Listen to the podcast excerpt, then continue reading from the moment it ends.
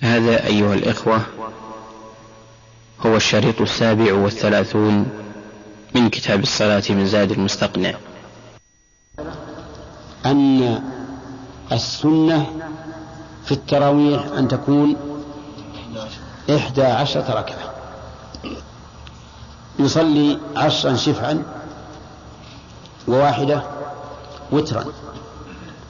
والوتر كما قال ابن القيم هو الواحدة. ليس الركعات اللي قبله.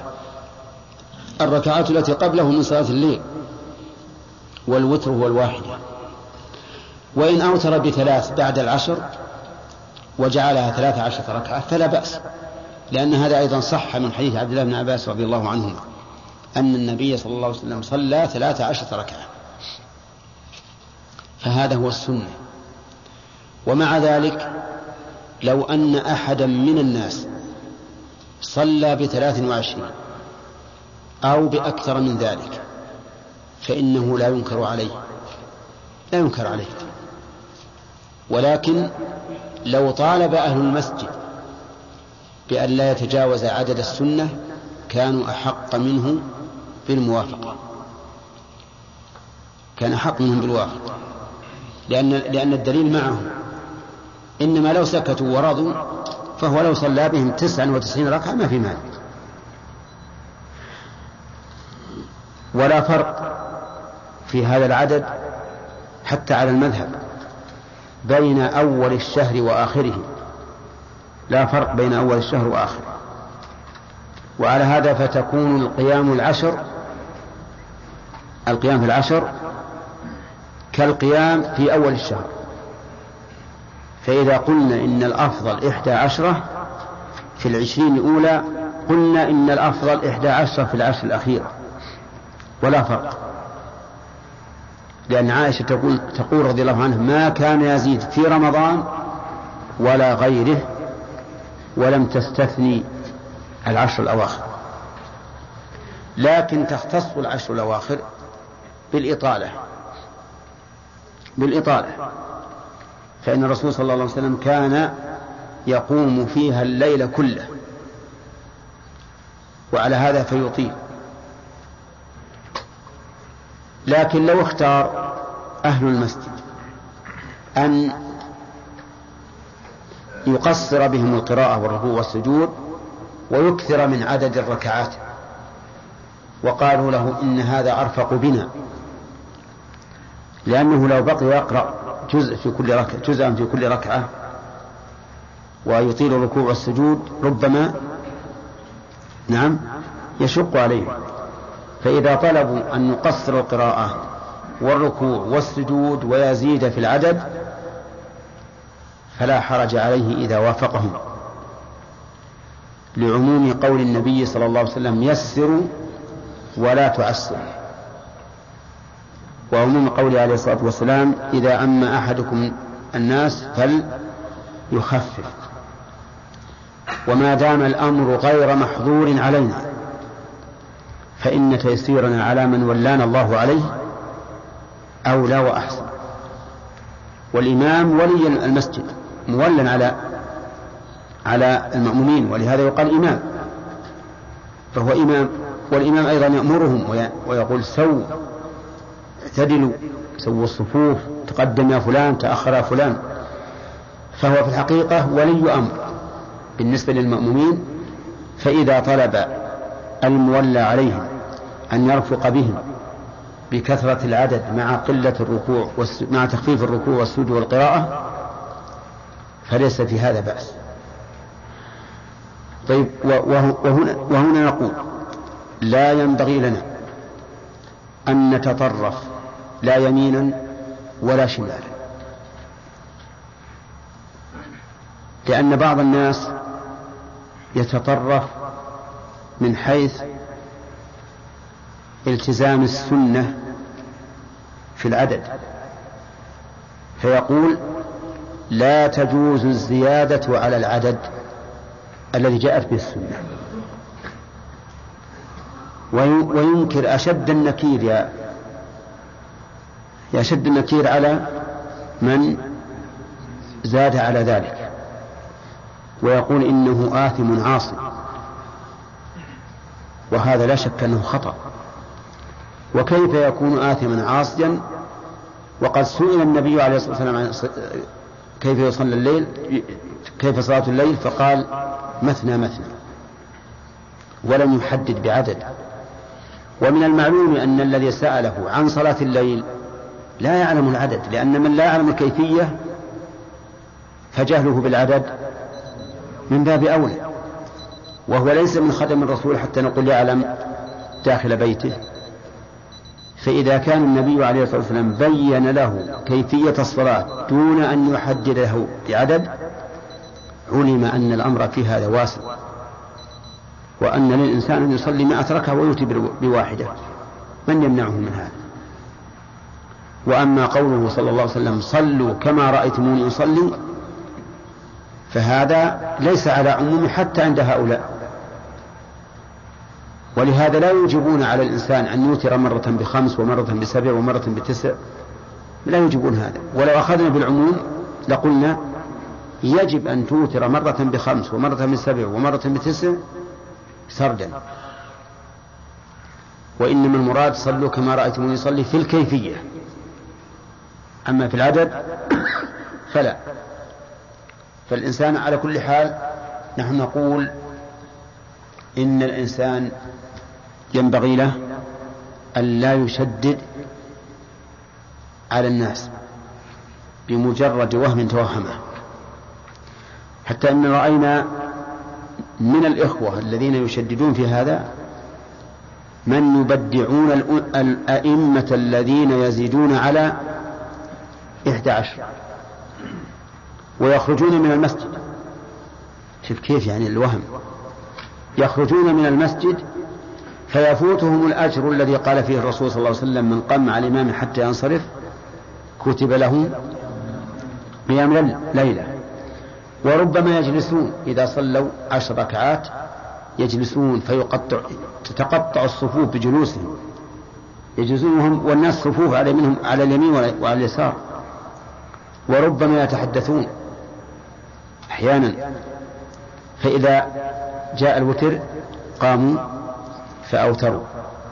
كل هذا من من الخطأ.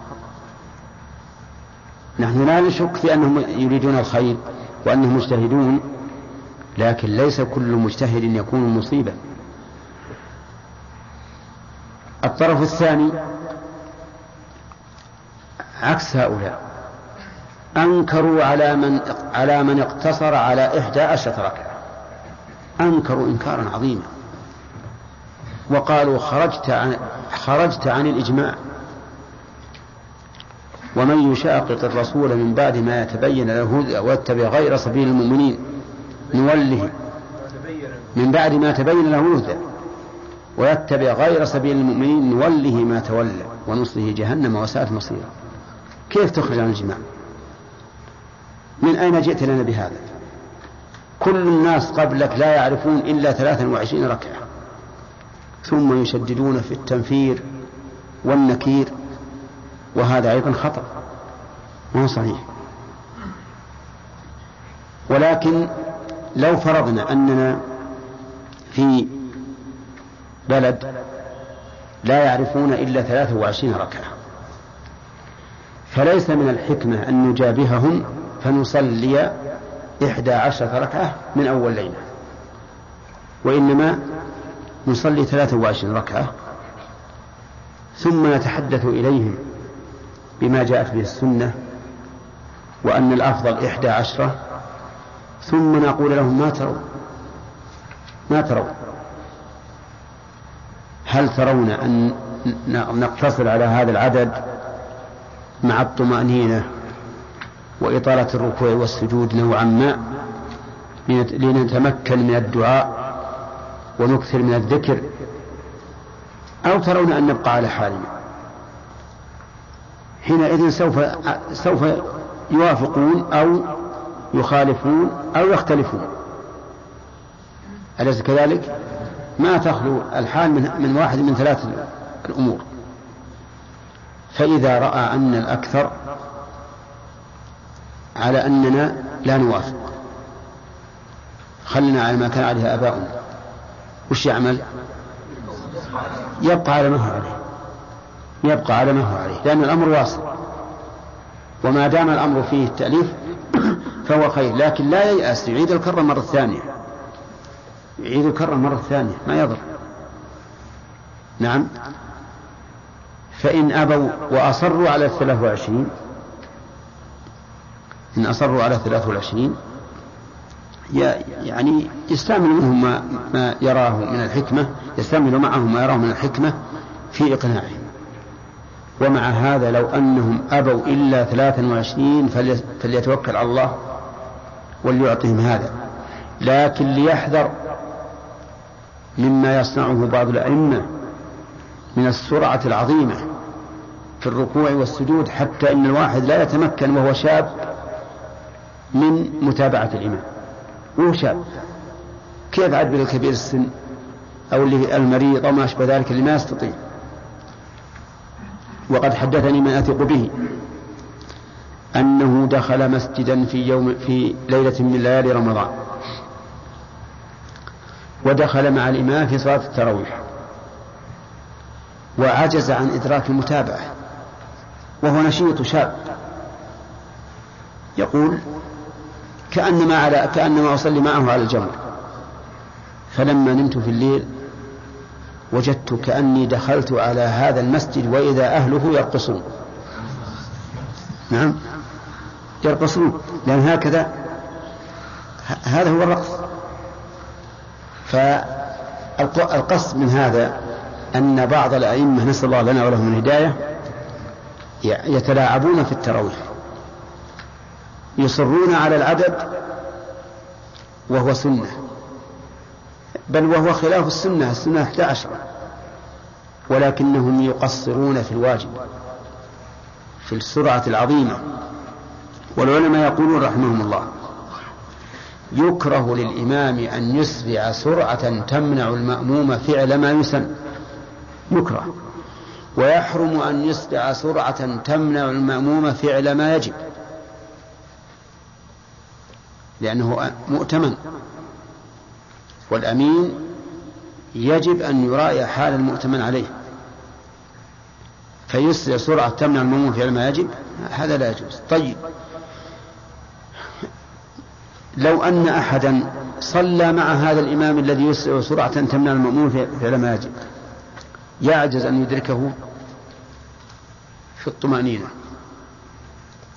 فهل له أن يخرج وينفرد؟ يعني ينفصل عن الإمام؟ الجواب نعم بل يجب عليه أن ينفصل عن الإمام سواء في التراويح أو في الفريضة. أيضا أحيانا في الفريضة تجي تجد واحد يصلي بالناس قد فاتتك الصلاة وتدخل معهم وإذا هو يسرع إسراء تعجز أنت أن تدرك معه الواجب. ففي هذه الحال نقول انفصل انفصل. إن والانفراد وأتم لوحدك. لأنه لا يمكن الآن تجمع بين المتابعة وبين القيام بالركن وهو الطمأنينة. فلا بد من أحد الأمرين. وإذا كان النبي صلى الله عليه وسلم أقر الرجل على الانفراد من أجل تطويل الإمام فإقرار فالإقرار على الانفراد من أجل القيام بالركن من باب من باب أولى. نعم. نعم. نعم.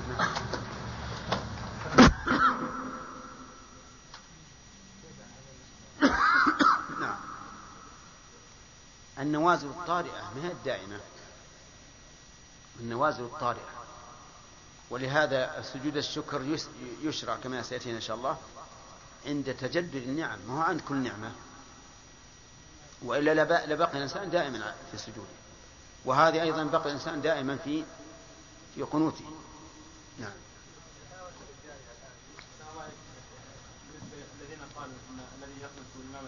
نعم. لا يقال لهؤلاء إن النبي صلى الله عليه وسلم كان اماما اعلى يعني في الناحية الدينية والناحية الدنيوية لأنه كان يحج بهم ويصلي بهم. الوالي يعني الأمور الدنيوية و, والتشريعية. والتشريعية يثبت الفقهاء تبعا للرسول. ولهذا قنت أبو بكر رضي الله عنه في الردة في قتل مسيلمة نعم. في قتال مسيلمة قنت رضي الله عنه. بعد الخلفاء الراشدين أصبح الأمور الدينية بيد الخلفاء بيد الفقهاء مثلا الإمام مالك. أي نعم. ما هذا هذا قول الفقهاء. في خلفاء. في خلفاء باقين هل يمسح بيديه إذا انتهى من دعاء القنوت؟ راجح لا ولكن المؤلف؟ يمسح. يمسح. الراجح لا يمسح. طيب. ما هو دليل من قال يمسح ومن قال لا يمسح؟ دليل من قال يمسح آه، ما روي عن عمر. نعم. كان يمسح انه يمسح. كان إذا ولا ينزل يده حتى يمسح. نعم. نعم. أما دليل من من قال إنه لا يمسح فهو التتبع لأحوال النبي اللهم صل عليه وسلم بعد بعد القنوت إنه كان لا يمسح. لا بعد الدعاء. بعد الدعاء إنه كان لا يمسح. طيب. وما جوابهم عن حديث عمر جوابهم ان انه روي عن عمر. ولكن آه، ولكنه ضعيف. ضعيف. لا تقوم به حجة. طيب. حكم القنوت في غير الوتر أحمد. حكم القنوت في غير الوتر. نعم. نعم. يكره أن يقنط الإنسان في غير الوتر. طيب. لماذا؟ لأنه قول له وقت له مكان معين وله وقت معين معينه يعني لأنه لم يرد عن النبي صلى الله عليه وسلم. وما لم يرد فهو بدعة. طيب. استثنى المؤلف رحمه الله حمد ماذا استثنى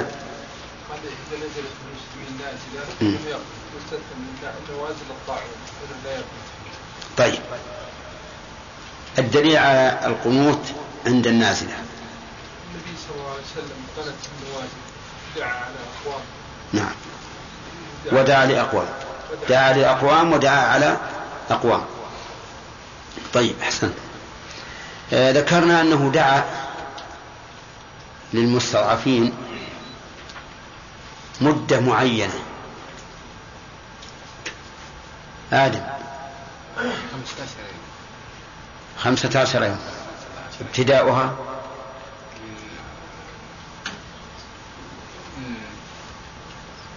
نصف القعدة. من نصف القعدة. وانتهاؤها؟ من 15 رمضان ها. إلى يوم العيد. يوم العيد. أي نعم. شفت يا آدم؟ أي نعم. نعم؟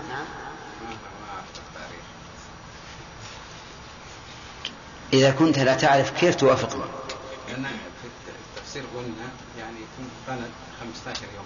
إيه. لكن أنا قلت من من نصف من نصف ذي القعدة وقلت نعم. خير إن شاء الله. طيب. المهم في النصف الأخير من رمضان. طيب وقنتها على قوم. لمدة شهر. لا. اللي شهر غير هذا. شهر ثم تركه لأنهم أسلموا.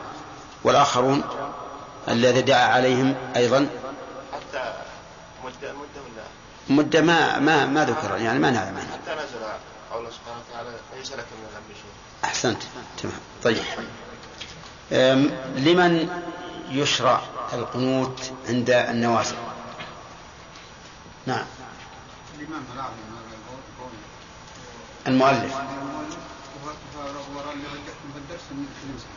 وراء لكن على كلام المؤلف للإمام الأعظم لأن هذا شيء يتعلق بعموم المسلمين فصار الحكم فيه مختصا بإمامه فقط. طيب قال المؤلف رحمه الله التراويح ناقش فيها لأن هذه درس البارح التراويح. التراويح عشرون ركعة. عشرون ركعة. فلماذا سميت تراويح؟ أي نعم. سمي التراويح لأنهم كانوا يصلون أربعا ثم يستريحوا ثم يصلوا أربعا ثم يستريحوا ثم يصلوا ثلاثة. هذا إذا أوتر 11 طيب. السند إلى حديث عائشة. تمام. أحسنت. طيب. قول المؤلف إنها عشرون ركعة. نحن رجحنا خلاف كلام المؤلف يا شاكر. نعم. ها رجحنا انها تكون 11 ركعه أو 11 ركعه أو ها؟ أقل من ذلك لا. ولا يحدد يعني يا سلامة 13 ركعه أو ثلاثة عشر ركعة. صحيح. طيب استدل المؤلف بحديث ابن عباس أن النبي صلى الله عليه وسلم كان يصلي في رمضان عشرين ركعة. فما جوابك عن هذا؟ أي نعم. هذا الحديث لم يصح لم يصح. النبي صلى الله عليه وسلم فلا فلا يعتمد عليه. طيب. استدلوا أيضا بما روي عن عن يزيد بن رومان قال كان الناس يصلون في عهد عمر بن الخطاب في رمضان ثلاثا وعشرين ركعة. نعم. زيد لم يدرك عمر الحديث منقطع. هذا يزيد. هذه واحد وأن عمر عمر لم يثبت حقيقة أنه صلى عليه لم؟ يعني أنه نسبه إلى عهده دون أمره. طيب. ثالثا. أنه معارض بما صح عن عمر. ها. أنه صلى 11 ركعة لا لا. ما هو أنه صلى. أمر ابن عباس. أيهما؟ الفضل ولا عبد الله أبي ها؟ أبي بن- عباس. ها؟ أبي بن كعب. والثاني؟ هو الذي أمر عمر إيه لا هو أمر اثنين. عمر بن الخطاب أمر رجلين أبي بن كعب. والثاني؟ إيه والثاني الرجل الثاني عشان كم من الدليل؟ إيه. الثاني محمد. نعم. الثاني تميم الداري. ها أن يقوم الناس بإحدى أحسنت تمام. إذا صار الحديث الأول حديث زيد بن ضعيف من ثلاثة أوجه. الانقطاع أنه منسوب إلى عهد عمر وما نسب إلى عهد أحد من الخلفاء فليس بحجة إلا ما وأما ما نسب إلى عهد الرسول فهو حجة لأن الوحي ينزل. الثالث أنه معارض بإيش؟ بما صح عن عمر أنه أمر تميم الداري وأبي- بن كعب أن يقوم الناس بإحدى عشرة ركعة. طيب. وذكرنا أن هذا هو اللائق بعمر. لماذا يا عبد الله لأن عمر من أحرص الناس على اتباع سنة النبي صلى الله عليه وسلم نعم. كان وقافا عند الحق حتى إن المرأة تعارضه أحيانا وهو يخطب الناس فيرجع لقوله طيب أحسنت. يقول عشرون ركعة هذا مبتدأ درس الآن. عشرون ركعة. المؤلف هل أفصح بحكم التراويح أو لا؟ وين؟ في أول الباب. في أول الباب حيث قال آكدها كسوف ثم استسقى ثم تراويح. إذا فالتراويح سنة. تراويح سنة. وهنا نسأل هل هي من سنن عمر أو من سنن النبي صلى الله عليه وسلم؟ ادعى بعض الناس أنها من سنن عمر.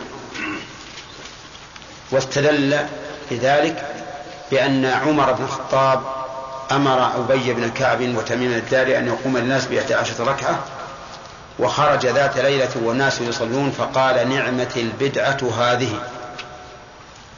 وهذا يدل على أنها لم. لم يسبق لها مشروعية.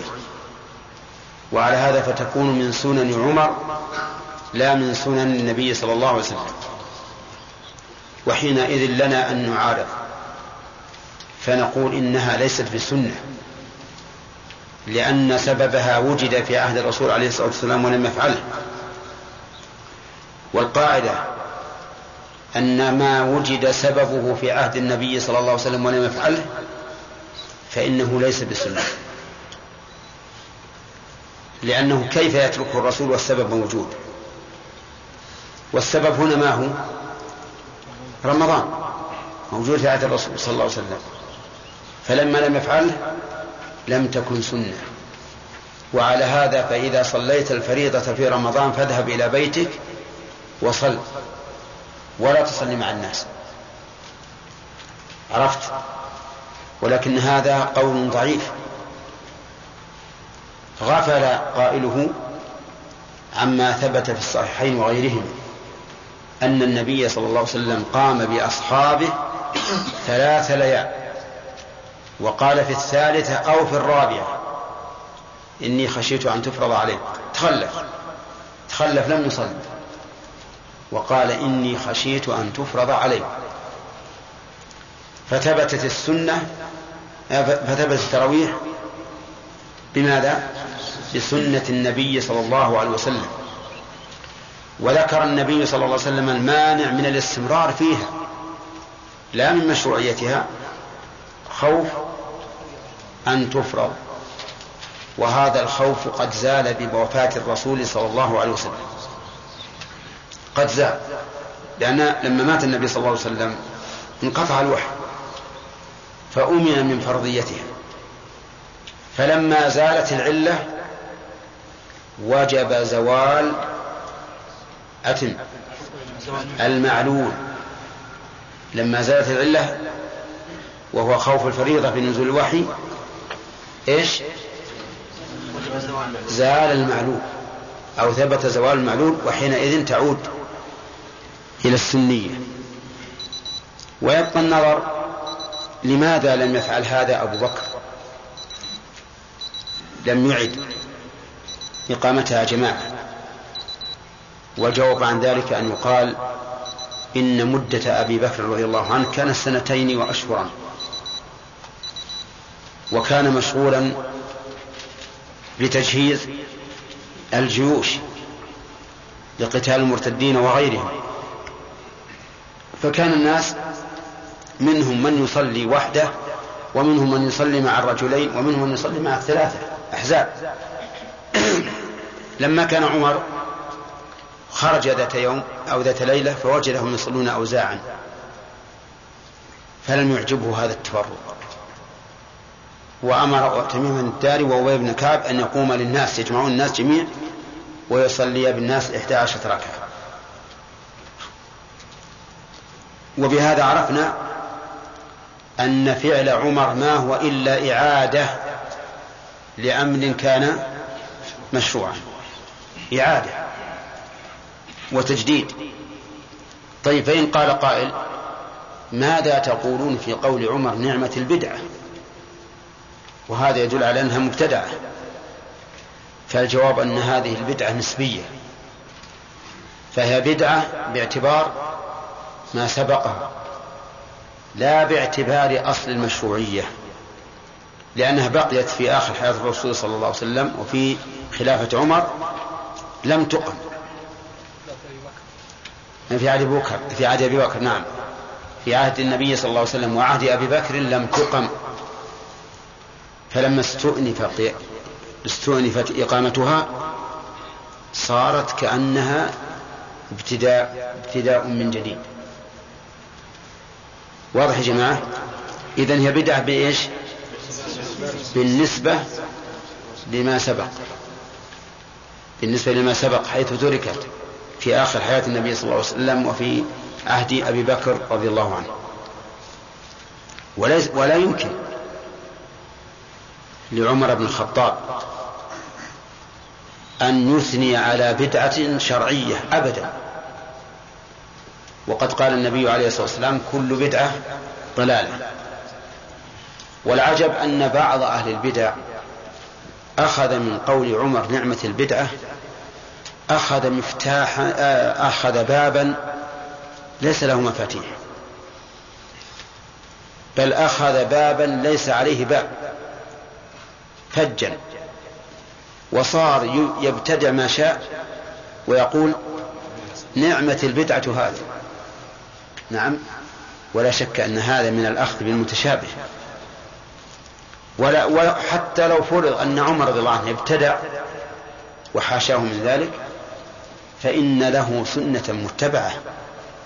عليكم بسنتي وسنة الخلفاء.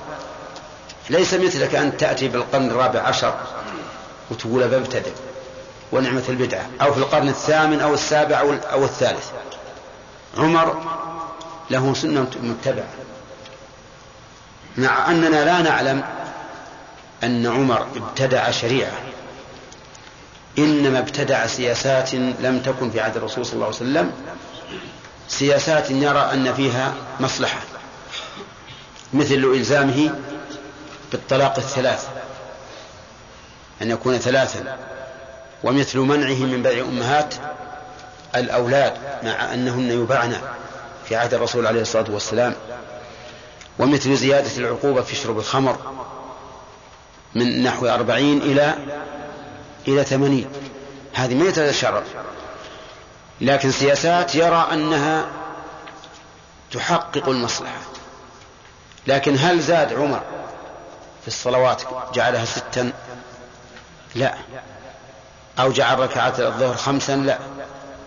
أي نعم. طيب.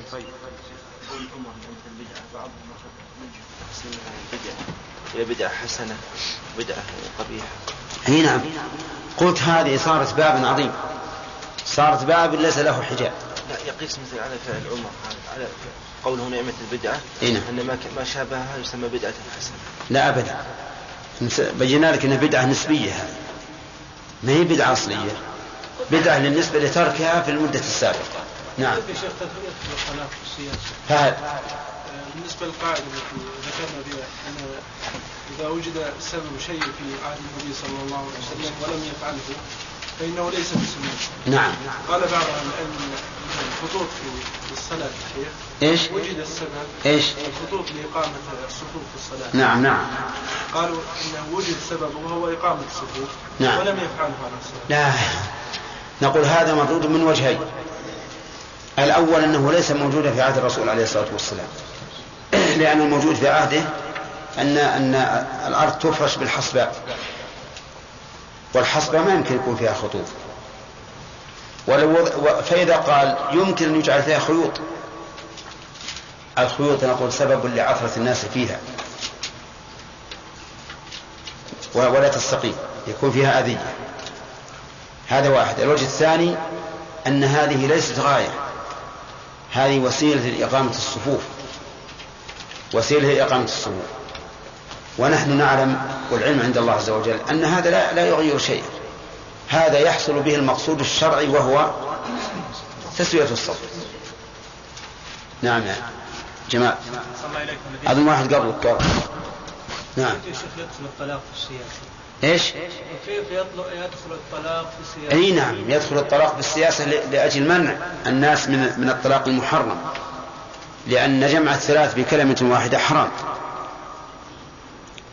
والإنسان إذا علم أنه سيمنع من مراجعة زوجته سيتوقف. ولهذا صرح قال أرى الناس قد تعجلوا في أمر كانت لهم فيه أنات فلو أمضيناه عليه. نعم جمال.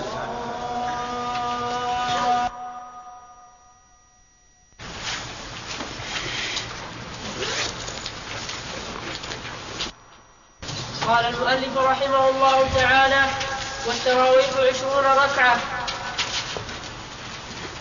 مش تفعل في جماعة مع, مع الوتر بعد العشاء في رمضان ويوتر المتهجد بعده فإن, فإن تبع إمامه شفعه بركعة.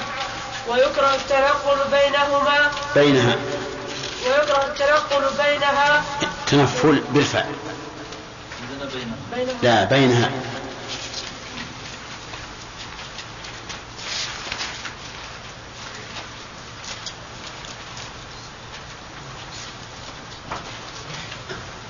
لا التعقيب في جماعة ثم السنن الراتبة.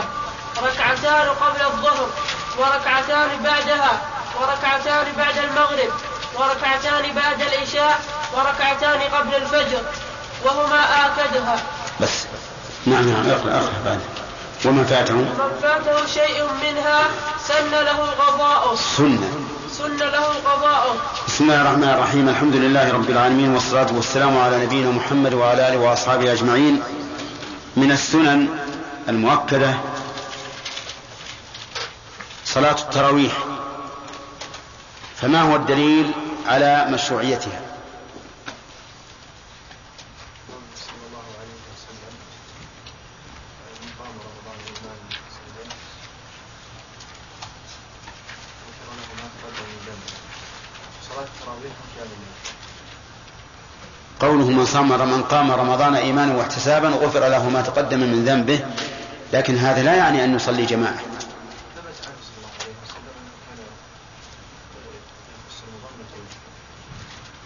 كيف هذا؟ في اللي ثبت عنه.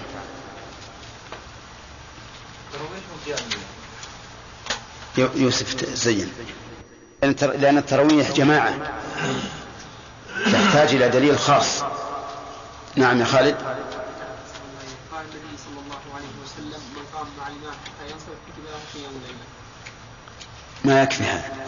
طيب أولا فعله صلى الله عليه وسلم.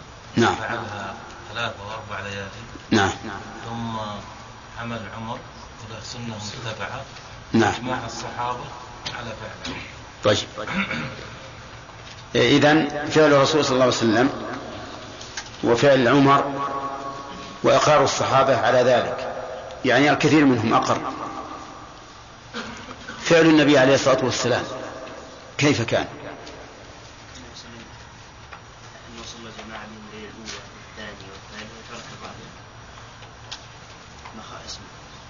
ثم عندما تركها الصحابة مخافة أن تفرض أو تفرض وتركها بعد الثالثة والرابعة وقال خشيت أن تفرض عليكم. وهذه العلة زالت بعد وفاته.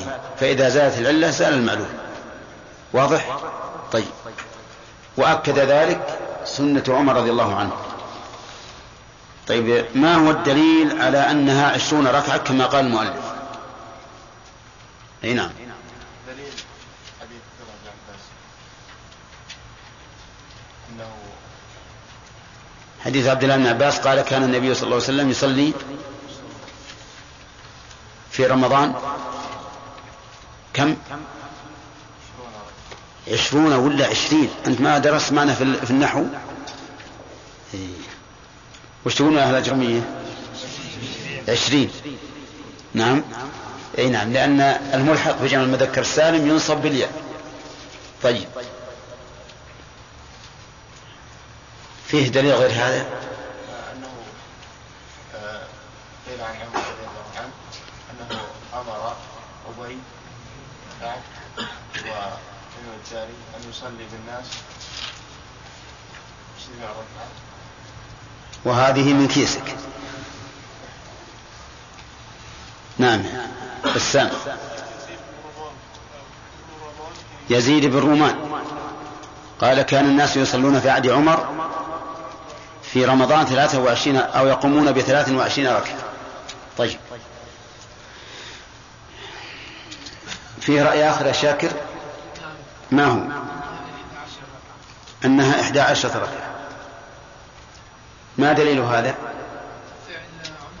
لا أن النبي حديث عائشة رضي الله عنها حينما سئلت عن قيام النبي صلى الله عليه وسلم في رمضان فقالت ما صلى رسول الله صلى الله عليه وسلم ما كان. ما كان يصلي رسول الله صلى الله عليه يزيد. وسلم يزيد عن 11 ركعة في رمضان وغيره. سمعتم الدليل حديث عائشة أنها سئلت كيف كان صلاة النبي صلى الله عليه وسلم في رمضان؟ قالت لا كان لا يزيد على في رمضان ولا غيره على إحدى عشرة ركعة. طيب فيه دليل آخر؟ محمد.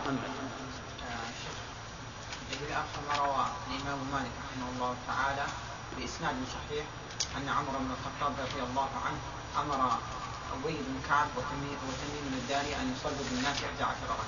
أحسن. تمام. طيب إذا هي الصحيح أنها إحدى عشرة ركعة. بقي علينا الشق الثاني من ال- المناظرة أو المقارنة لأن ذكرنا أن الإنسان إذا أراد أن يناظر غيره أو يقارن بين قولين فلا بد من إثبات الدليل والرد على دليل خصمه فبماذا نرد على حد حديث ابن عباس أنه كان يقوم عشرين ركعة؟ حديث ابن عباس المرفوع. هذا الأخ استدل بحديث مرفوع.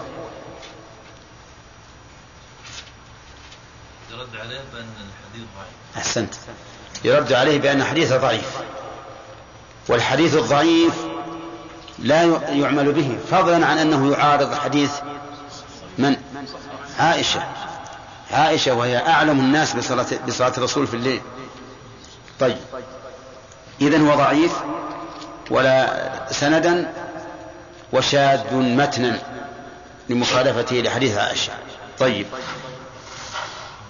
بماذا نجيب عن أثر يزيد بن رومان؟ أول نقول يزيد بن رومان لم يدرك عمر لم يدرك زمنه. فيكون نعم.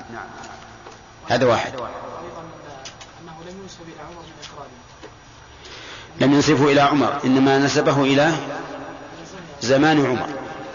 وزمان عمر لا ليس بحجة أو لا ينسب إليه ما يفعل في زمانه إلا إذا علم به. تمام. آه طيب ثم قال المؤلف رحمه الله تفعل هذا وقف الدرس. قال تفعل في جماعة. مع الوتر بعد العشاء في رمضان. شوف القيود. تفعل في جماعة. فإن صلاها الإنسان منفردا في بيته لم يدرك السنة. السنة أن تكون في جماعة. والدليل ما, ما سمعتم. من فعل الرسول صلى الله عليه وسلم وفعل عمر أمر عمر رضي الله عنه. وموافقة أكثر الصحابة على ذلك. الثاني قال مع الوتر. يعني أنهم يوترون معها. ودليل ذلك أن الرسول صلى الله عليه وسلم صلى بالصحابة في ليلة 23 و25 و27 في الليلة الأولى نحو ثلث الليل الثاني نصف الليل والثالثة إلى قريب الفجر. ولما قالوا له لو نفلتنا بقية ليلتنا بقية ليلتنا قال إنه من قام مع الإمام حتى ينصرف كتب له قيام ليلة. وهذا يدل على أنه يوتر. فينبغي أن يكون الوتر مع التراويح جماعة. الثالث قال بعد العشاء. فلو صلوا التراويح بعد بين المغرب والعشاء لم يدركوا السنة. لا بد أن تكون بعد العشاء. وكذلك أيضا ينبغي أن تكون بعد العشاء وسنتها. فإذا صلوا العشاء صلوا السنة ثم صلوا التراويح ثم الوتر. وقوله في رمضان في رمضان لأن في غير رمضان بدعة. لو أراد الناس أن يجتمعوا على قيام الليل في المساجد جماعة في غير رمضان لكان هذا من البدع. لكنها سنة في رمضان. ولا بأس أن يصلي الإنسان جماعة في غير رمضان في بيته أحيانا. لفعل الرسول صلى الله عليه وسلم فقد صلى بابن عباس وابن مسعود وحذيفة بن اليمان جماعة في بيته لكن لم يتخذ ذلك سنة راتبة يكون دائما يصليها جماعة ولم يكن أيضا يفعلها في المسجد. القيود الآن أن تكون في جماعة. بعد العشاء. في رمضان. طيب. الوتر تبع لها. قال المؤلف ويوتر المتهجد بعده. طيب فإذا قال قائل أنتم الآن صححتم أنها إحدى عشر. فما رأيكم لو صلينا خلف إمام يصليها ثلاثا وعشرين؟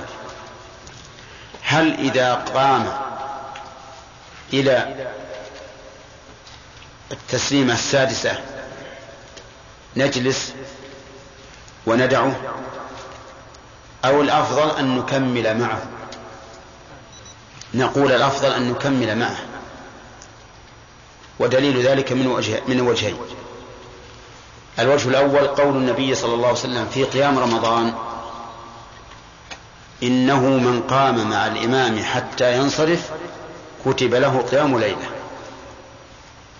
ومن جلس ينتظر حتى يأتي يصل الإمام إلى الوتر ثم أوتر معه فإنه لم يصلي مع الإمام حتى ينصرف.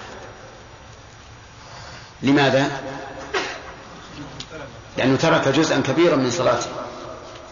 جلس ترك جزءا كبيرا من صلاته. الوجه الثاني عموم قول النبي صلى الله عليه وسلم إنما جعل الإمام ليؤتم به.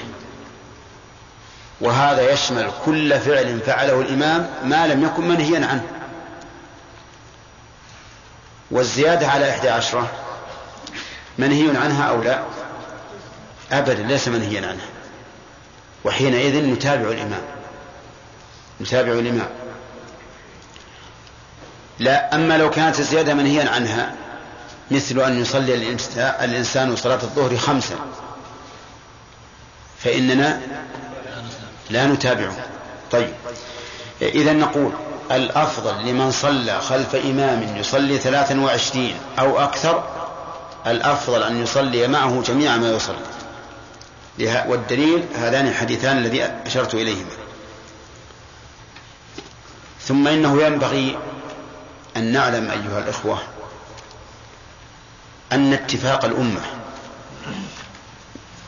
مقصود قصدا أوليا بالنسبة للشريعة الإسلامية. لأن الله يقول أن هذه أمتكم أمة واحدة. والتنازع بين الأمة أمر مرفوض. قال الله تعالى ولا تكونوا كالذين تفرقوا واختلفوا من بعد ما جاءتهم من بعد ما جاءهم البينات. وقال الله تعالى شرع لكم من الدين ما وصى به نوحا والذي أوحينا إليك وما وصينا به إبراهيم وموسى وعيسى أن أقيموا الدين ولا تتفرقوا فيه. وقال الله تعالى إن الذين فرقوا دينهم وكانوا شيعا. لست منهم في شيء. إنما أمرهم من الله ثم ينبئهم بما كانوا يفعلون. وقال النبي صلى الله عليه وسلم لا تختلفوا فتختلف قلوبكم. يقوله في اتحاد في تساوي الناس في الصف لا تختلفوا فتختلف قلوبكم. ولما صلى عثمان رضي الله عنه في منى في الحج صلى الرباعية أربعا. وقال الله تعالى إن الذين فرقوا دينهم وكانوا شيعا لست منهم في شيء. إنما أمرهم من الله ثم ينبئهم بما كانوا يفعلون. وقال النبي صلى الله عليه وسلم لا تختلفوا فتختلف قلوبكم. يقوله في اتحاد في تساوي الناس في الصف لا تختلفوا فتختلف قلوبكم.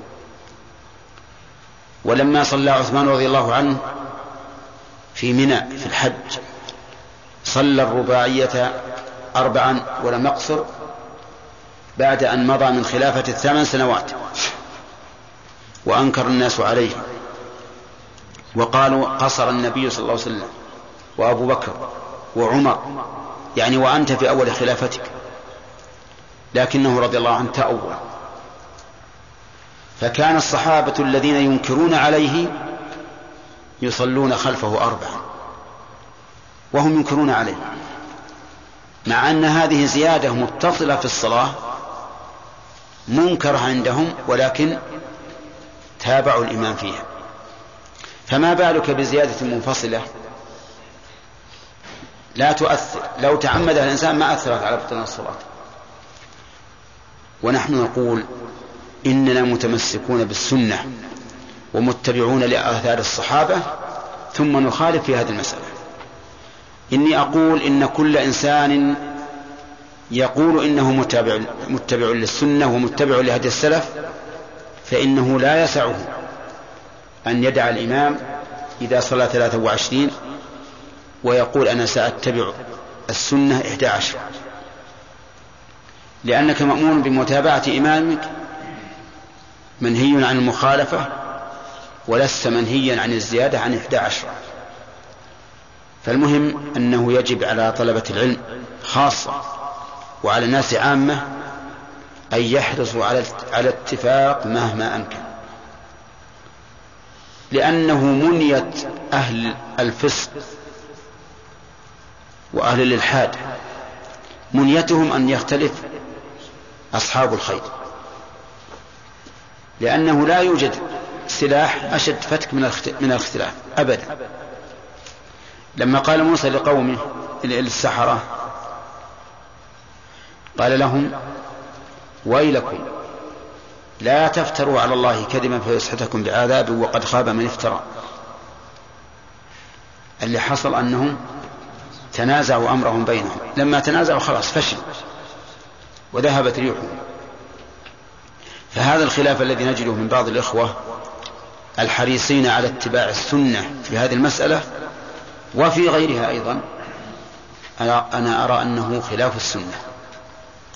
وخلاف ما تقصده الشريعة من توحد الكلمة واجتماع الكلمة. مع لأن هذا أمر سائغ ولله الحمد. ليس أمرا محرما ولا منكرا.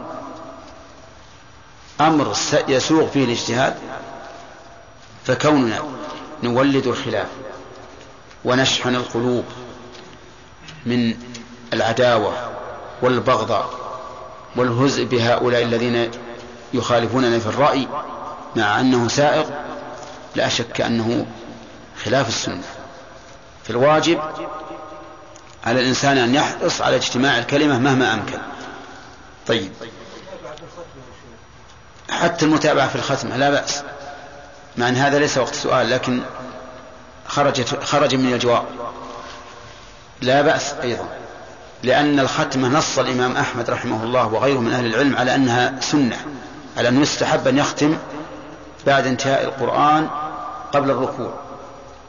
وهي وإن كان من ناحية السنة ليس لها دليل لكن ما دام الأئمة أئمة المسلمين قالوا بها ولها مساق أو اجتهاد وليكن مخطئا. لكن ما دام ليس فيه حرام فلماذا نخرج؟ لماذا نخرج أو نسفه أو نخطئ أو نبدع؟ من فعل أنت لا تفعلها إذا كان الأمر إليك ولكن إذا كان إمامك يفعلها فلا مانع. انظروا إلى الأئمة الذين يعرفون مقدار الاتفاق.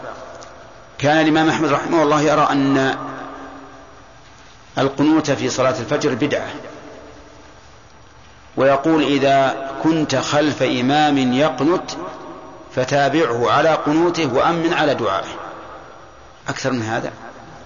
كل ذلك من أجل اتحاد الكلمة واتفاق القلوب وعدم الكراهة بعضنا لبعض. يقول المؤلف ويوتر المتهجد بعده. يوتر المتهجد بعده أي بعد تهجده. يعني إذا كان الإنسان يحب أن يتهجد بعد التراويح. والتراويح تفعل متى؟ بعد العشاء في أول الليل. وهذا رجل يحب أن يتهجد في آخر الليل.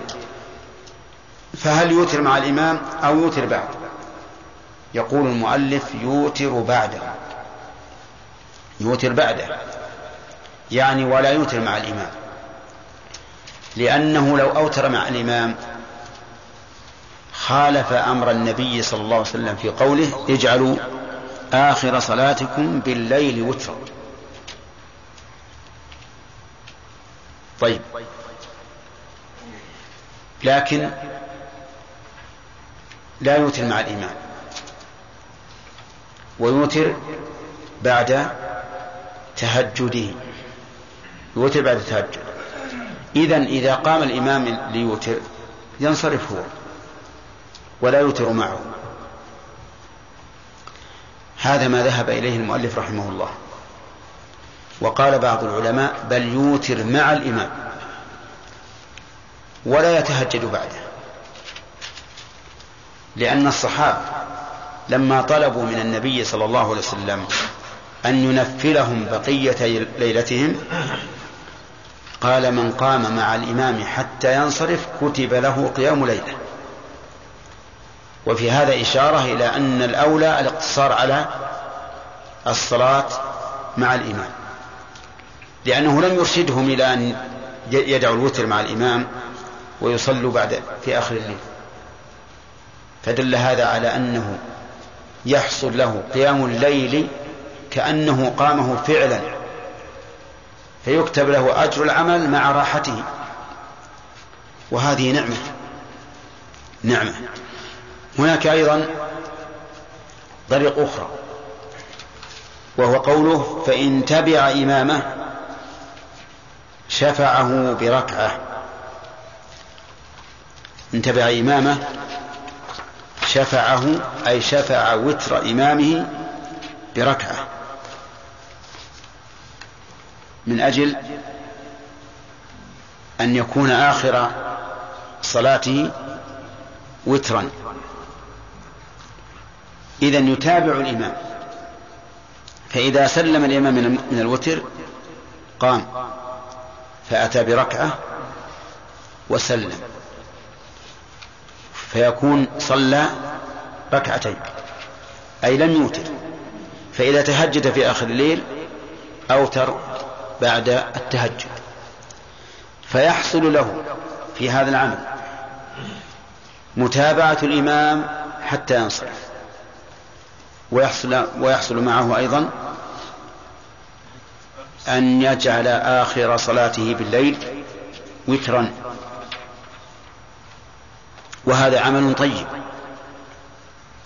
فإن قال قائل من أين لكم أنه يجوز أن يخالف المأموم إمامه في الزيادة على ما صلى إمامه؟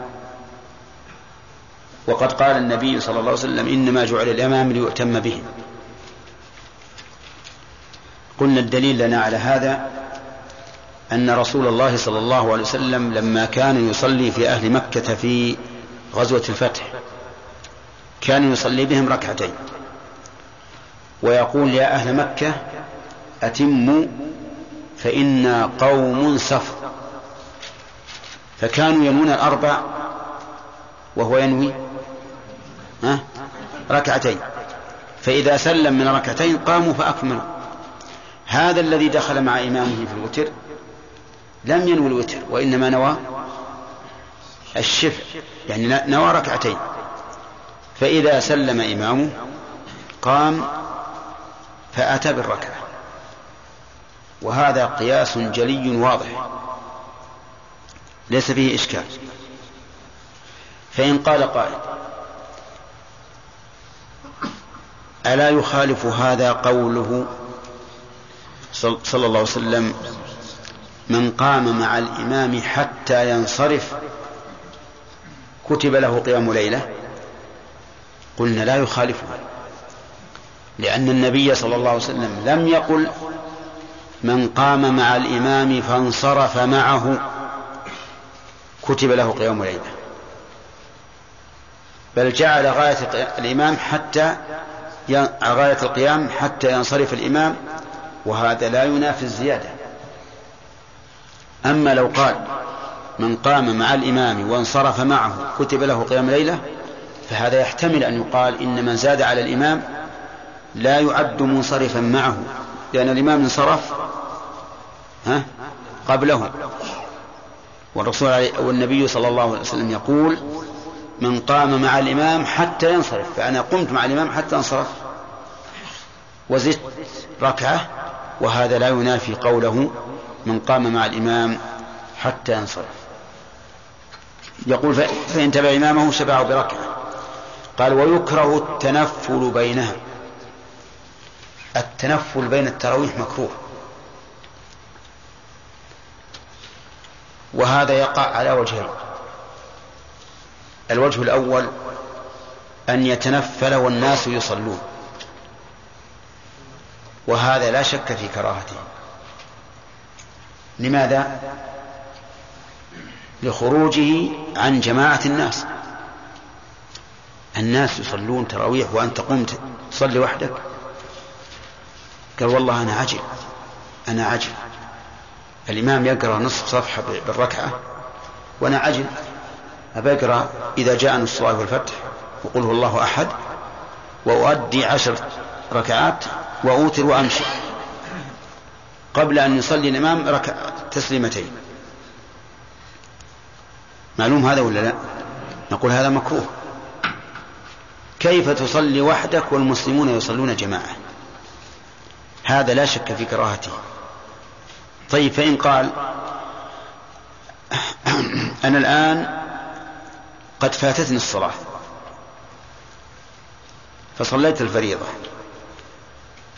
صليت الفريضة. وأريد أن أصلي راتبة العشاء. نقول لا مانع. ادخل مع الإمام في التراويح بنية الفريضة يعني بنية العشاء. فإذا سلم فقم وأتي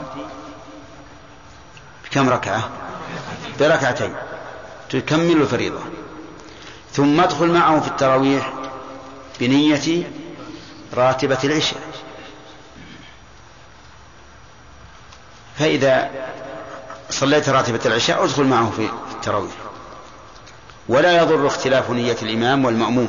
يعني يجوز أن الإمام ينوي الفريضة النافلة والمأموم ينوي فريضة. والغريب أن هذا منصوص الإمام أحمد. نص عليه الإمام أحمد نفسه. بأنه يجوز أن يصلي الإنسان صلاة العشاء خلف من يصلي التراويح. نعم. وهذا هو الصحيح. طيب. هذا وجه. الوجه الثاني أن يصلي بين التراويح إذا جلسوا للاستراحة. لأننا مر علينا أنها سمت التراويح لأنهم يصلون أربعا ثم يستريحون. في هذه الاستراحة قام رجل يتنفل. نقول لا تتنفل. لا تنفل قال يا جماعة تمنعوني من فضل الله؟ نقول لكننا نمنعك بما اختار الله. أن توافق من؟ الجماعة والمسلمين. لا لا لا تتنفل. ولهذا قد يكره التنفل بينها لا التعقيب في جماعة. إيش معنى التعقيب؟ التعقيب قالوا معناه أن يصلي بعدها وبعد الوتر في جماعة. وظاهر كلامهم ولو في المسجد. مثال ذلك صلوا التراويح في المسجد وقالوا يا جماعة في آخر الليل احضروا لنقيم جماعة. يقول العلماء يقول المؤلف إن هذا لا يكره. إن هذا لا يكره. ولكن هذا القول ضعيف لأنه مستند إلى أثر عن أنس بن مالك رضي الله عنه والله أعلم بصحته عنه أنه قال لا ترجعوا إلا لخير ترجونه. يعني لا ترجعوا إلى الجماعة أو إلى الصلاة إلا لخير ترجونه. لكن هذا الأثر إن صح عن أنس معارض لقوله صلى الله عليه وسلم اجعلوا آخر صلاتكم بالليل وترا. اجعلوا آخر صلاتكم بالليل وترا. وهؤلاء الجماعة صلوا التراويح والوتر ثم عادوا جماعة بعد التراويح والوتر. إذا نسأل الآن ما هو التعقيب؟ صلاة الجماعة بعد التراويح والوتر. وهو وليس وليس بمكروه للأثر المروي عن أنس. والصحيح أنه مكروه. أقل أحواله أن يكون مكروها لأنه مخالف لقول النبي صلى الله عليه وسلم اجعلوا آخر صلاتكم بالليل وترا. وهذا القول إحدى الروايتين عن الإمام أحمد رحمه الله. وأطلق الروايتين في المقنع والفروع والفائق وغيرها يعني أن أن الروايتين متقابلتين بالنسبة للإمام أحمد لا إحدى- إحداهما على الأخرى. فالصحيح أنه مكروه. نعم لو أن هذا التعقيب جاء بعد التراويح وقبل الوتر لكان القول بعدم الكراهة. إيش؟ صحيحا وهو عمل الناس الآن. في العشر الأواخر من رمضان يصلي الناس صلاة التراويح في أول الليل ثم يرجعون في آخر الليل ويقومون يتهجدون. فهذا صحيح. يعني أنه غير مكروه. فصار التعقيب حسب ما قال المؤلف إنه حسب ما قال الفقهاء إنه بعد صلاة التراويح والوتر وقالوا إنه غير مكروه نقول الصحيح إنه مكروه. أما إذا كان بعد التراويح وقبل الوتر فهذا ليس ليس بمكروه. قال لا التعقيب في جماعة. ثم قال المؤلف ثم السنن الراتبة. ثم بعد إيش؟ بعد التراويح. يعني يلي التراويح السنن الراتبة. ولكن في هذا شيء من النظر. لأنه مر علينا في أول كتاب التطوع وش يقول المؤلف؟ أكدها كسوف ثم استسقى ثم تراويح ثم وتر. فينبغي أن نقول ثم السنن يعني ثم يلي الوتر مو التراويح. ثم يلي الوتر. السنن الرواتب. فيكون تكون السنن الرواتب على كلام المؤلف في المرتبة خامسة السادسة السابعة ها؟ كسوف ثم استسقى ثم تراويح ثم وتر ثم رواتب. خامسة طيب الخامسة.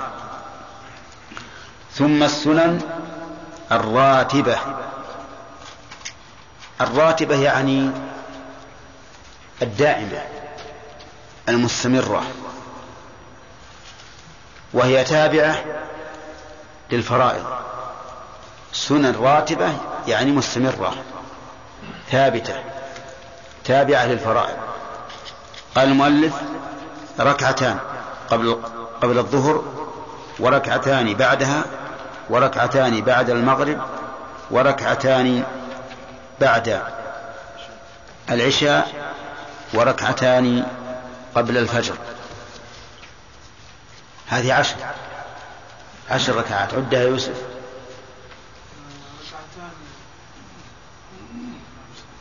ها. ركعتان قبل الصبح وركعتان قبل الظهر بعد الظهر. ولا قبل؟ قبل الظهر. طيب ركعتان قبل الظهر وبعد الظهر وبعد الظهر ركعتان.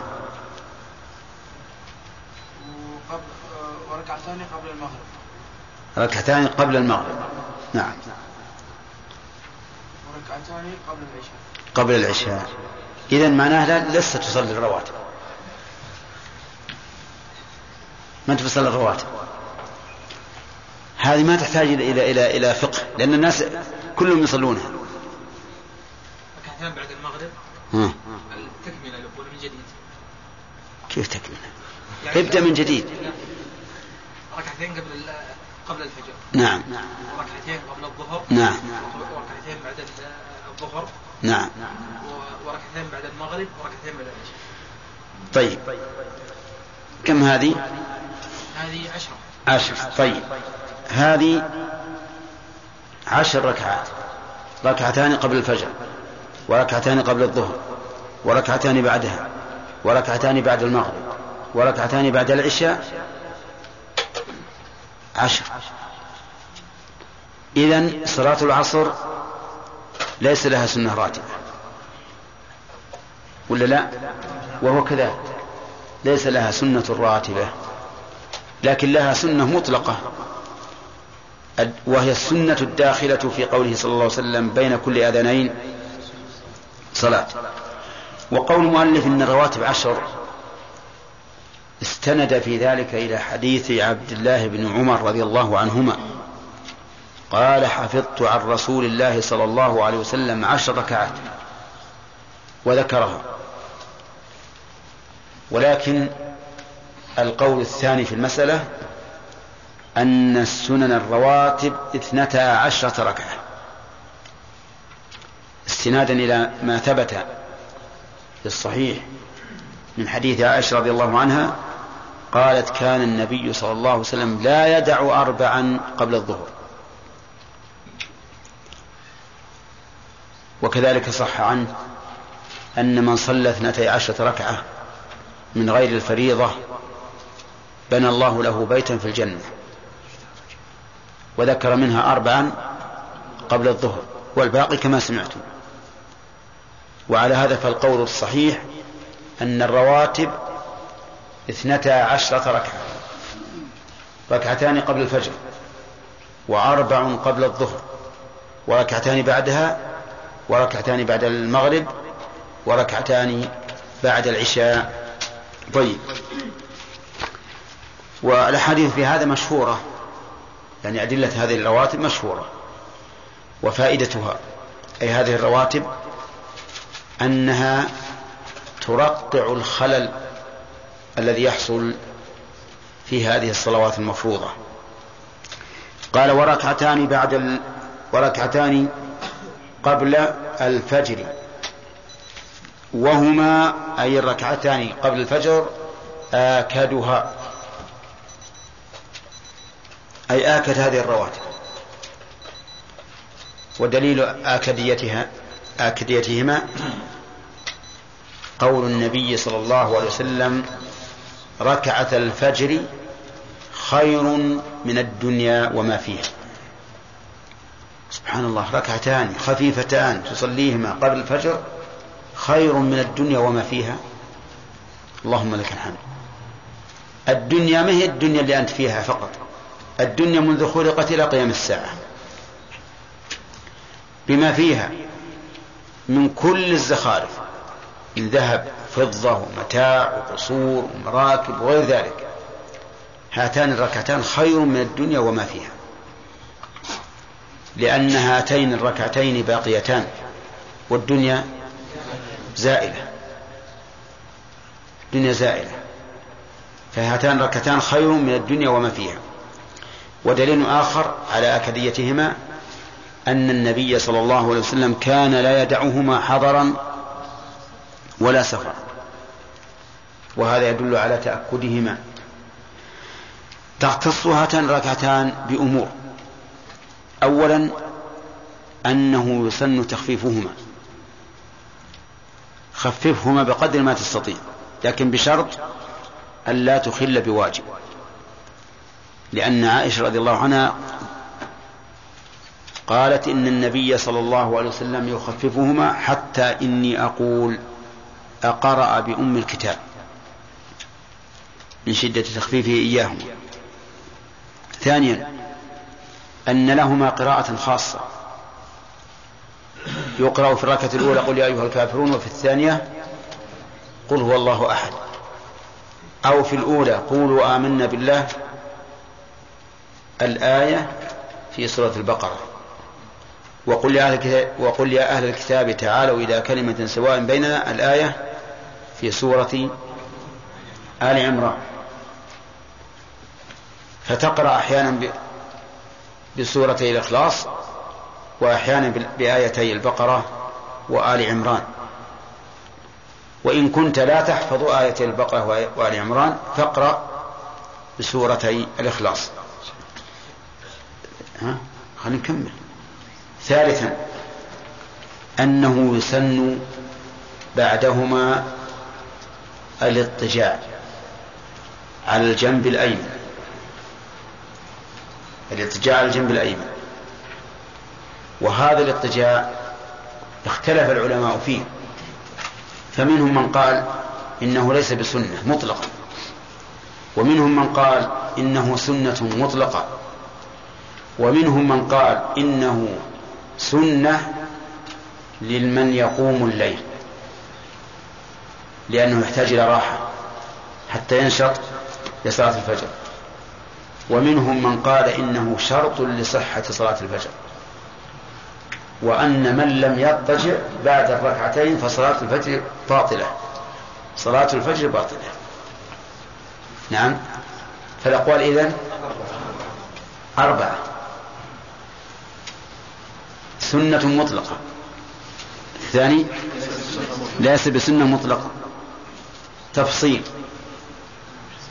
السنة لمن قام الليل دون غيره. شرط لصحة صلاة الفجر. وإلى هذا ذهب ابن حزم رحمه الله. أنه شرط لصحة صلاة الفجر. وقال إن النبي صلى الله عليه وسلم قال إذا صلى أحدكم ركعتي الفجر فليضطجع بعدهما. فأمر بالاضطجاع. ولكن أولا هذا الحديث ضعيف بل مو يعني يكاد يكون موضوعا. لأنه لم يصح عن النبي صلى الله عليه وسلم من أمره بل صح من فعله. وثانيا ما علاقة هذا بصلاة الفجر؟ ما علاقة هذا بصلاة الفجر؟ ولكن هذا يدلك على أن الإنسان مهما بلغ في العلم فلن يسلم من إيش؟ من الخطأ. الإنسان معرض للخطأ. كل إنسان معرض للخطأ. وأصح ما, ما, ما قيل في هذا ما اختاره شيخ الإسلام ابن تيمية وهو التفصيل. سنة لمن؟ لمن يقوم الليل لأنه يحتاج إلى أن يتريح. ولكن ماذا ترون بارك الله فيكم؟ لو كان من الناس الذين إذا وضع جنبه على الأرض نام ولم يستيقظ إلا بعد ثلاث ساعات. هل يسن له ذلك؟ ليش؟ هذا يفضي إلى ترك واجب. هذا ربنا نقول حرمنا عليك. ولا سيما إذا قلنا إنه مشروع لمن يقوم الليل فيكون النوم عنده ألذ من كل شيء. فإذا نام ما قام هذا نقول لا تقو لا تنام أبدا ولا تفكر في النوم. من حين ما تصلي السنة اخرج إلى المسجد. نعم. إذا دخل مع الإمام والإمام في التراويح ودخل معه في التراويح هل يحصل على أجر الجماعة؟ نعم. لكنه ليس كأجر, كأجر الجماعة الأولى. يعني الإمام أحمد نص على أن يصلي من يصلي التراويح. إي نعم. والمذهب يقولون أن المفترض ما يصلي خلفه إي نعم. لأن المذهب المذهب مذهبان مذهب شخصي ومذهب اصطلاحي. فما في الكتب كتب المتأخرين هذا مذهب اصطلاح أحيانا يكون نص الإمام أحمد على خلاف هذا الشيء. لا في العبادات ولا في المعاملات. نعم. لا اللي جنبك نعم. اللي قبلك هذا اليسار نعم. جزاك الله خير. في رمضان يا شيخ بعض المصلين الذين يصلون التراويح يجلسون حتى يقرب الإمام من من الركوع. ثم يقومون بدون ركوع مع الإمام. لكن تفوتهم وش يزينون؟ وش يزينون ذولا؟ يستريحون. استراحة. إذا كان لحاجة لا بأس. أما إذا كان لغير حاجة فأخشى أن لا يكونوا قاموا مع الإمام حتى ينصرف. لأن تأخروا عن الإمام. نعم. سنة ما بين الأذانين اللي يداوم الإنسان عليها دائما؟ لا لأنه لو داموا عليها صارت راتبة. نعم. يصلي بعد ركعتين. هل هل هذا على عدم كراهية التعقيد؟ لا أولا أن أكثر أكثر فعله أنه ما يصلي عليه الصلاة والسلام ما يصلي ركعتين. هذا أكثر فعله. وكان يصلي أحيانا ركعتين جالسا. ما هو قائم. فالعلماء اختلفوا في هذا. فمنهم من قال إن هذا فعل الرسول صلى الله عليه وسلم ولا يمكن أن يعارض بقوله. يعني لا يمكن أن يعارض فعله قوله. فإذا كان اجعلوا آخر صلاتكم بليل وترا فهذا قول صريح. وإذا فعل هو صلى ركعتين جالسا بعد الوتر ولم يكن يداوم عليها فهذا لا يمكن أن نجعله تاركا لهذا الحديث لأنه لأن فيه تعارض وفعله لا يعارض قوله. وهذا جواب سديد بلا شك. وقال ابن القيم في توجيه هاتين الركعتين إن هاتين الركعتين بمنزلة الراتبة لصلاة الفريضة. يعني أنها تابعة.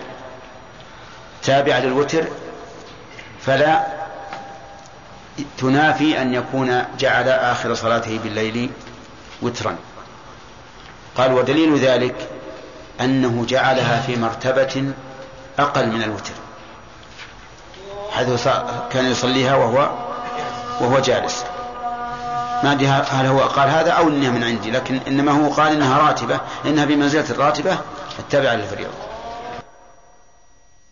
أجمعين قال الله تعالى السنن السنن الراتبة ركعتان قبل الظهر وركعتان بعدها وركعتان بعد المغرب وركعتان بعد العشاء وركعتان قبل الفجر وهما آكلها. ومن فاته شيء منها سن له قضاء. وصلاة الليل يفضل من صلاة النهار وأفضلها ثلث الليل بعد نصفه. وصلاة ليل ونهار مثنى مثنى وأن تطوع في النهار بأربع كالظهر فلا بأس. وأجر وأجر صلاة قاعد على نصف على نصف أجر على نصف أجر صلاة قائم. وتسن صلاة الضحى وأقلها ركعتان وأك- وأكثرها ثمان ووقتها من خروج وقت النهي إلى قبيل إلى قبيل الزوال وسجود التلاوة بس- بسم الله الرحمن الرحيم الحمد لله رب العالمين والصلاة والسلام على نبينا محمد وعلى آله وأصحابه أجمعين. التعقيب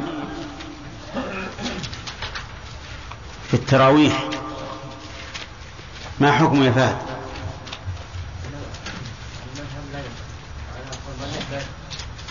نعم. لا يكره عند المؤلف. وما هو التعقيب؟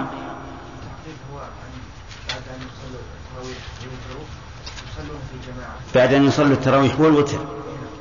يصلون جماعة. نعم. القول الثاني؟ يكره. طيب ما هو دليل القول الأول ودليل القول الثاني؟ دليل القول الأول استندوا إلى أثر من أنس قال لا ترجعوا إلى لخير تركوه نعم. ودليل القول الثاني قول الرسول صلى الله عليه وسلم لا وتران لا وتران في الليل لا. قول الرسول صلى الله عليه وسلم آه، آه، اجعلوا آخر صلاتكم من الليل وترا أحسنت. طيب. وهذا هو الصحيح. السنن الرواتب لماذا سميت رواتب يا خالد؟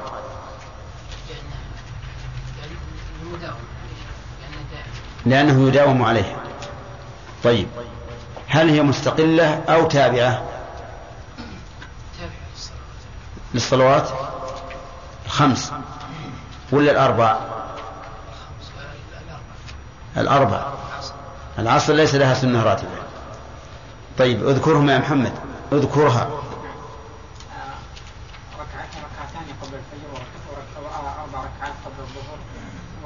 لا امشي على ما قال المؤلف. ركعتان قبل قبل الظهر وركعتان بعدها وركعتان بعد المغرب وركعتان بعد العشاء وركعتان قبل الفجر نعم أحسنت. هذه عشر. القول الثاني ناظم أن الرواتب 12 ركعة اثنتا عشرة ركعة. طيب. والدليل؟ حديث عائشة رضي الله عنها أن النبي صلى الله عليه وسلم لم يدع أربعا قبل الظهر. كان لا يدع أربعا قبل الظهر. وحديث أم حبيبة أيضا؟ من صلى اثنتي عشرة ركعة تطوعا من غير الفريضة بنى الله له بيتا في الجنة. طيب. تتميز راتبة الفجر عن غيرها بأمور قلها يكون فيها تخفيف تخفيف عائشة رضي الله عنها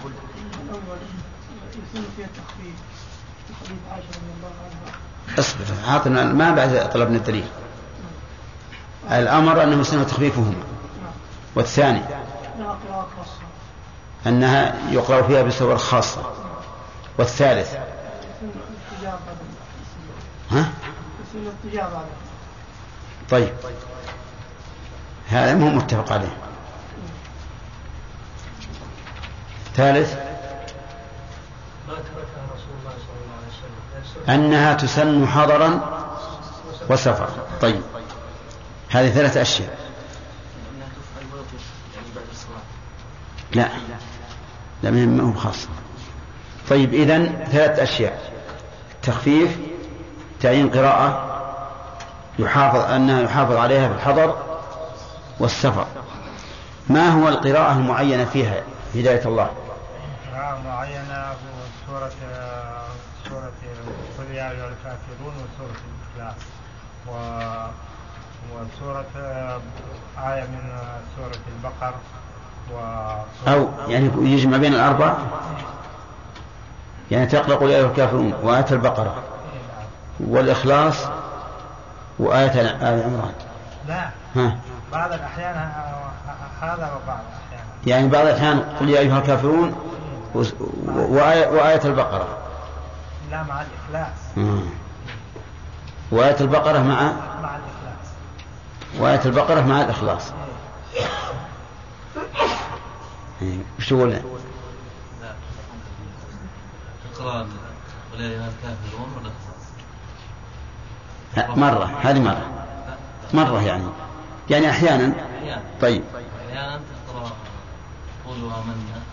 وتقرأ قل يا أهل الكتاب تعالوا إلى كلمة سواء بيننا وبينكم من آل عمران. طيب. التخفيف ما دليله؟ دليل حديث عائشة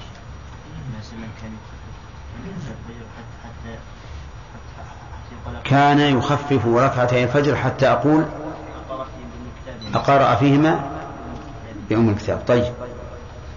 الأخ.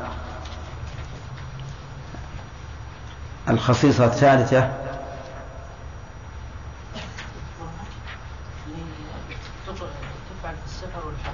دليل. دليل النبي صلى الله عليه وسلم ما كان في سفر ولا نعم. وحديث عائشة ما رأيت النبي صلى الله عليه وسلم أشد تعهدا منه على ركعتي الفجر. وفيها أيضا ركعة الفجر خير من الدنيا وما فيها. قال المؤلف رحمه الله تعالى ومن فاته شيء منها سن له قضاء. من؟ اسم شرط. فعل الشرط فاته. وجوابه؟ ها؟ سن له قضاء. من فاته شيء من هذه الرواتب فإنه يسن له قضاؤه بشرط أن يكون الفوات لعذر. بشرط أن يكون الفوات لعذر. ودليل ذلك ما ثبت من حديث أبي هريرة وأبي قتادة في قصة نوم النبي صلى الله عليه وسلم وأصحابه وهم في السفر عن صلاة الفجر حيث صلى النبي صلى الله عليه وسلم راتبة الفجر أولا ثم الفريضة ثانيا. وكذلك أيضا حديث أم سلمة أن النبي صلى الله عليه وسلم شغل عن الركعتين بعد صلاة الظهر وقضاهما بعد صلاة العصر. وهذا نص في قضاء الرواتب. دليل ثالث عام من نام عن صلاة أو نسيها فليصلها إذا ذكرها. وهذا يعم الفريضة والنافلة. هذا إذا تركها لعذر كالنسيان والنوم والانشغال عما بما هو أهم.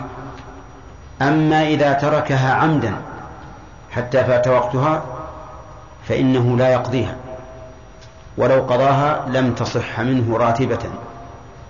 وذلك لأن الرواتب عبادات مؤقتة والعبادات المؤقتة إذا تعمد الإنسان إخراجها عن وقتها لم تقبل منه. ودليل ذلك قوله صلى الله عليه وسلم من عمل عملا ليس عليه أمرنا فهو رد. والعبادة المؤقتة إذا أخرتها عن وقتها عمدا فقد عملت عملا ليس عليه أمر الله ورسوله. لأن أمر الله ورسوله يقول لك صلها في هذا الوقت. فإذا تعمدت إخراجها فقد فعلتها على غير أمر الله ورسوله فلا تكون مقبولة. واضح. وأيضا فكما أنها لا تصح قبل الوقت فلا تصح كذلك بعده لعدم وجود الفرق الصحيح بين أن تفعلها قبل دخول وقتها أو بعد خروج وقتها إذا كان لغير عذر. طيب إذا كلام المؤلف في قول من فاته شيء منها سن له قضاؤه يجب أن يقيد بماذا؟ ها؟ بما إذا فاته لعذر. وربما يشعر به قوله من فاته شيء. لأن الفوات سبق لا يدرك. والمؤلف لم يقل ومن لم يصلها فليقضها. قال من فاته والفوات كما قلت لكم سبق لا يدرك. ومنه قولهم من فاته الوقوف بعرفة فاته الحج. طيب. ثم قال المؤلف رحمه الله فصل. وصلاة الليل أفضل من صلاة النهار. الصلاة نوعان. نوع مطلق ونعني بذلك النوافل ونوع مقيد. أما المقيد فهو أفضل في الوقت الذي قيد به أو في الحال التي قيد بها. فمثلا سنة المسجد إذا دخلت أفضل من صلاة الليل ولو كانت في النهار. لماذا؟ لأنها مقيدة بحال من الأحوال وهي دخول المسجد. سنة الوضوء إذا توضأت فإنه يسن لك أن تصلي ركعتين. أفضل من صلاة الليل ولو كانت في النهار لأنها مقيدة بسبب من الأسباب. لكن النفل المطلق الذي يريد المصلي أن يقوم فيصلي لأن الصلاة يسن الإكثار منها كل وقت. كما قال النبي عليه الصلاة والسلام للرجل الذي قال أسألك مرافقتك في الجنة. قال أو غير ذلك؟ قال هو ذاك. قال فأعني على نفسك بكثرة السجود. المهم أن الصلاة المطلقة هي في الليل أفضل منها في النهار. لقول النبي صلى الله عليه وسلم أفضل الصلاة بعد المكتوبة صلاة الليل. أفضل الصلاة بعد المكتوبة صلاة الليل. فإذا قال قائل أيما أفضل أن أصلي ركعتين في الليل نفلا مطلقا أو ركعتين في النهار؟ قلنا في الليل. والليل يدخل من غروب الشمس. فالصلاة مثلا بين المغرب والعشاء أفضل من الصلاة بين الظهر والعصر لأنها صلاة ليل. فهي أفضل. قال المؤلف وأفضلها أي صلاة الليل ثلث الليل بعد نصفه ثلث الليل بعد نصفه يعني أنك تقسم الليل أنصافا. ثم تقوم في الثلث من النصف الثاني. تقوم ثلث الليل من النصف الثاني. وفي آخر الليل تنام. ودليل ذلك قول النبي صلى الله عليه وسلم أفضل الصلاة صلاة داود كان ينام نصف الليل ويقوم ثلثه وينام سدسه. وفي صحيح البخاري عن عائشة رضي الله عنها قالت ما ألفاه تعني النبي صلى الله عليه وسلم السحر عندي إلا نائما. يعني معناه أنه كان عليه الصلاة والسلام ينام في السحر في آخر الليل. فهذان دليلان. وهناك تعليل وهو أن نوم الإنسان بعد القيام يكسب البدن قوة ونشاطا. فيقوم لصلاة الفجر وهو نشيط. تعليل آخر أنه إذا نام سدس الليل. نقضت هذه النومة سهره. وأصبح أمام الناس وكأنه لم يقم الليل. فيكون في هذا إبعاد له عن الرياء. إبعاد له عن الرياء. بخلاف ما لو قام إلى إلى إلى الفجر فإنه تجده في أول النهار ينعس. فيقول الناس هذا الرجل لم يبت الليل إلا قائما.